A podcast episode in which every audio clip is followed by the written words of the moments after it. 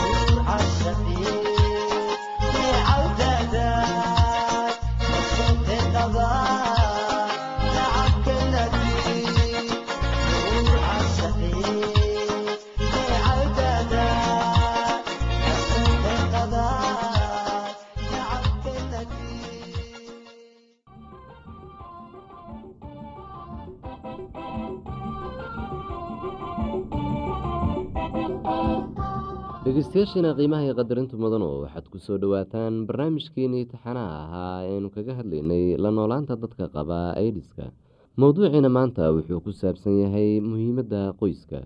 Qoysyadu muhiimad weyn bay u leeyihiin dadka qaba h i v-ga ama idiska guriga qoysku wuxuu ahaan karaa hoy meel dadka ku nasan karo iyagoo aaminsan in la jecel yahay lana ogol yahay meel geesi inay ahaadaan ama ay qariyaan dareenkooda. Haddii qofka qoyskaaga ka mid ah uu qabo h i v ama idis siyaabo badan ayaad ugu gargaari kartaa. Waxaad ugu gargaari kartaa inay nastaan adigoo u fulinaya shaqadooda guriga.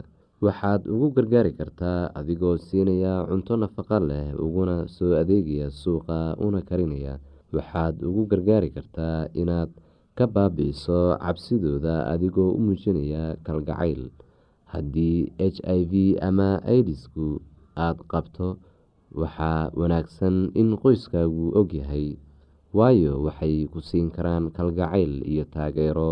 Mustaqbalkaaga ayaad qorshe u sameyn kartaa waxay kula qeybsan karaan culayska ka haysta dhanka dhaqaalaha aad bay kuugu fududaan doontaa haddaadan qarin marxaladaada haddii qof ka mid ah qoyskaaga uu qabo idis waxaad kartaa inaad raashin iyo biyo u soo qaadid inaad dharka iyo go-yada ka dhaqdo iyo inaad karkaarisid.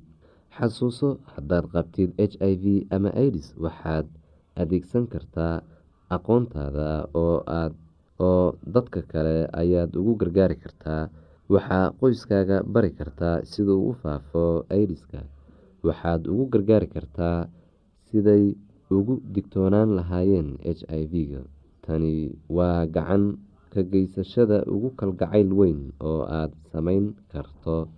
Marmarka qaarkood markuu nin uu ogaado in afadiisu ay qabto h i v ama idis wuxuu ka fogeeyaa guriga ay ku wada nool yihiin marmarka qaarkood naagta ayaa ninkeeda hadduu qabo h i v ama idis ka fogeysaa amase ka tagta kala tegiddu waxay sababi kartaa mushkilado kala duwan. Shaki kuma jiro in caruurtoodu ay dhibaatoobayaan. Caruurta waxay weligood waxay waalidkood ugu baahan yihiin kalgacayl iyo hogaamin. Kala tegidoodu waxay sababi kartaa inuu h i v faafo tusaale ahaan ninka naagta qaba wuxuu qabi karaa h i v laakiinse wuxuu raboon karaa inuu guursado naag kale. Naagta cusub ee uu guursado waxa ay qaadi kartaa waxa ay ka qaadi kartaa ninkeeda h i v-ga. Waxaa wanaagsan inaysan kala tegin ninka iyo naagtis qaba h i v awgii ee ay mustaqbalkooda ku dadaalaan siday nolol wanaagsan u sameyn lahaayeen mararka qaarkood qoysku wuxuu ku murmaa sababta u keentay h i v-ga. Arrintani waxay abuuri kartaa calool xumo weyn waxayna qoyska u keeni kartaa qorshe mustaqbalka ay u sameyn kari lahaayeen oo adkaada. Waxay adeyg uga dhigi kartaa inay ku noolaadaan xaqiiqada. Xasuuso dadka qaba h i v ama idis waxay u baahan yihiin macaamiil dhaqaatiireed si ay fiicnaan u dareemaan cimrigooduna uu u dheeraado.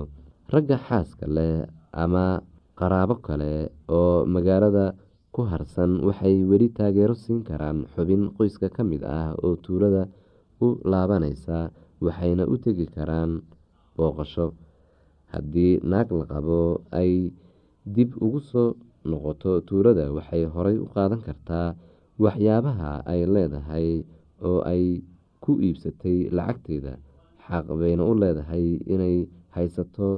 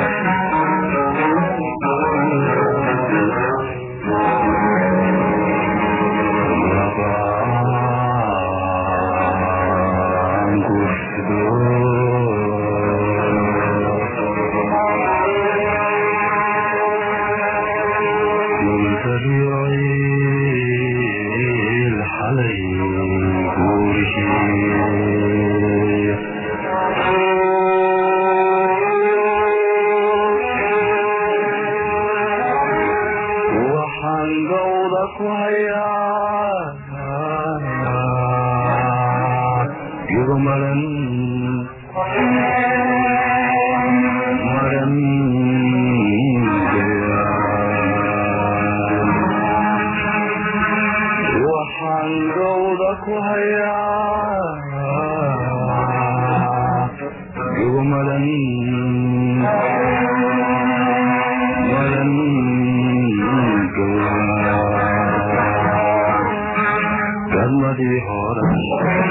labuuxaya dhaxdeediidan la golongolo dadmadii hooran la buuxaya dhaxdeediidan la golongolo gacaltooyadiiniga gaabsate gacaltooyadiiniga gaabsate xashooyadiiniga gaabsate ulow alla igargaaraye ulow alla igargaaraye gabdhayo hogala igargaaraye gabdhayo hogala wanaagsan hoy gabte wagediniye gabte.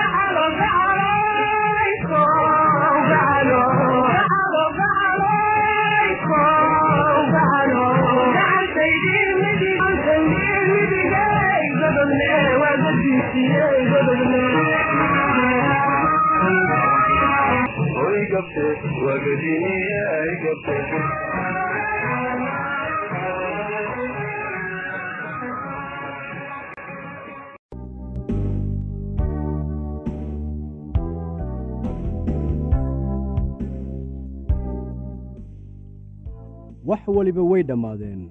Qofkii aad wada joogteen maanta waxa uu doonayaa inuu qof kale la joogo. Miinadii kol hore ayaa la riday oo ay qaraxday haddaba maxaad samayn. Shantan siyaabood keebaad dooran. Ta koowaad inaad jilbad jabsato oo aad tuugto qofkii aad wada joogteen oo aad weyddiiso inuu dib kugu soo laabto.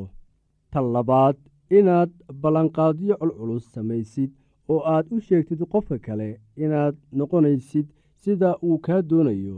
Waxa aad ballan ku qaadaysaa inaad isbeddelaysid ama tan saddexaad waxaad iska dhigaysaa mid murugsan oo waad ilmaynaysaa si uu markaasi uu qofku kuugu naxariisto.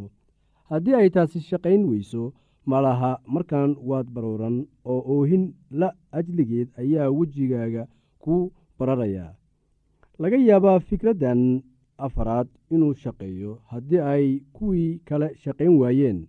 Waxa aad ku dhaaranaysaa inaad dabaq fuuli doonto oo aad halkaas iska soo tuuri doonto si aad u dhimato maadaama aanad haddeer nolosha qiimo u arkin. Kuuma muuqato wax faa'iido ah oo aad u sii noolaatid. Bal eeg fikraddan shanaad uga mahadnaq qofkii aad wada joogteen wakhtigii aad wada qaybsateen kadibna kala dhaqaaqa oo mid waliba guri gaar ah ha ku noolaado. Aalaa qofka la furay marka waxa uu dareemayaa xanuun oo caro la ajligeed ayaa waxa uu u horarayaa qofkii kale. Waxa uu sidaa u sameynayaa inuu ishilmaansiiyo xanuunka furitaanka. Adiga laftaada waxaa dhici karta inaad andacootid oo aad qofkii caysid oo aad tustid sida uu xayawaan ama nacas u ahaa markii ugu horreysay ee aad wada kulmayseen iyo siday u wanaagsanaan lahayd haddii aad iska furi lahayd waa hore. Waxaa jira wax qalbiga qofka ku jira laakiin marnaba uusan afka ka odhanaynin laakiin waxa uu ku haysanayaa maskaxda. Waxa uu is odhan karaa isaga weeye midka aan i doonaynin laakiin aniga weli waan doonayaa. Marka warku ku saabsan waxa aad adigu tahay faafo cid ku rabaysa ma jirto maadaama aad aniga idiidday waxa aan isku taxallujinayaa inaan arko adiguna inaanay cid ku rabin. Mararka qaar ka aargoosashada noocan ah ayaa waxa ay u dhacdaa si cad oo weerar ah. Markii uu cumar furay sacdiya waxay ku tidhi isaga iyada oo qaylinaysa inaad sidan samayn weligay waan ogaa. Markii hore ayaan qalad sameeyey maba ahayn inaan ku guursado inaad qofka wax yeelaysaad jeceshahay sow ma ahan. Marar badan ayaad ii waxyeelaysay oo aan xitaa tiradoodu xusuusan laakiin marka aad ii dhammaysay wax walbaan ku siiyey oo wax walbaan kuu sameeyey bal haddana fiiri sidaad iila dhaqmaysid. Allah haddii aan sidaan ogaan lahaa markii horeba weligaa iima aad roonayn. Mararka qaar marka dareenka xiriirku kor ahaa qofka doonaya furniinka waxa uu ka helayaa qofkii kale jawaab ku salaysan goodin wax isdabamarin iyo xitaa dagaal. Hanjabaad ku saabsan inaad qofka sirtiisa sheegaysid ama aad daraag isticmaalid ku kici doontid ama aad isdili doontid ama waxaad odhan jumladooyin ad adag adiga oo doonaya inaad qofkaasi ku dheganaatid. Mararka qaar qofka la diiday wakhti yarba ha ahaatee waxa uu ku cararayaa inuu xiriir cusub la yeesho qof cusub si uu u soo gudo jacaylkii ka lumay. Iska ilaali inaad qof jeclaatid isla markii lagu furo. Xusuuso haddeer wax waliba oo aad samaysid adiga ayay dushaada tahay. Waxaana laga yaabaa inaad ku degdegtid xiriirkan. Maxaa wacay? Waxaad doonaysaa inaad buuxisid meeshii bannaanayd. Jacaylka noocaas ah kadib furniinka allah waa mid been ah oo muddo yar gudaheeda ku soo gebagabooba haddii aad ka naxaysid oo aad weli xurmo u haysid qofka bilaabay furniinka waxaa wanaagsan inaad qofkaasi wakhti siiso furniinka dabadii si uu uga fikiro oo bal u eego inuu wax qalad ah sameeyey intii aad xiriir cusub bilaabi lahayd. Wakhti ku filan c oo ka bixi shakiga ku jira maskaxdiisa ama maskaxdeeda markaan isku day inaad wax wanaajisid waxa aad qofka kale u sheegtaa in isbarashadii aad isbarateen runtii ay aad ugu wanaagsanayd oo aanad fahamsanayn sababta ay u dhammaatay laakiin haddii ay sidaa dhacday aad u rajaynaysid farxad kaamil ah. U xaqiiji qofka inaad weligaa saaxiib la ahaanaysid. Markii wax waliba la yidhaahdo oo la sameeyo aqbal xaaladda oo u isticmaal sida kugu wanaagsan intii aad isku baabi'in lahayd. Dhegeystayaal ku soo dhowaada idaacaddeenna oo aad xiliyadan oo kale hawada inaga dhegeysan jirteen anigoo ah cabdi maxamed waxaan idin leeyahay dhegeysi suuban waxaad barnaamijyadeen maanta ku maqli doontaan heesa iyo waxbarasho caafimaad iyo nolosha qoyska haddii aad qabto wax su'aalaha fadlan inala soo xiriir. Ciwaankeenna waa radio somaly at yahu dt com. Mar labaad ciwaankeenna waa radio somaly at yahu dt com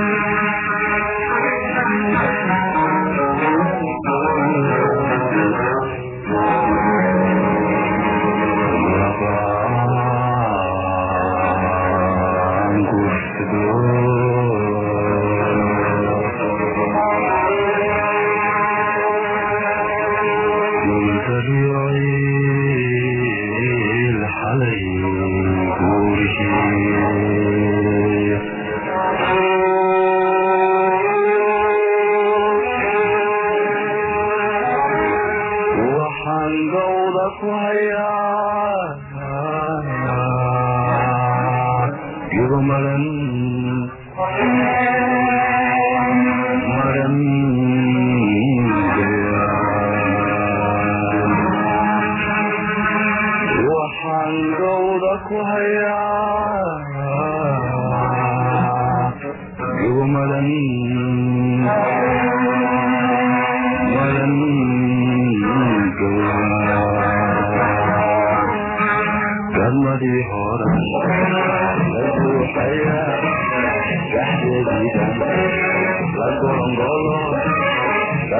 horan la buuxaya saxdeediidan la golongolo saxaltooyadiiniga gaabsate saxaltooyadiiniga gaabsate saxaltooyadiiniga gaabsate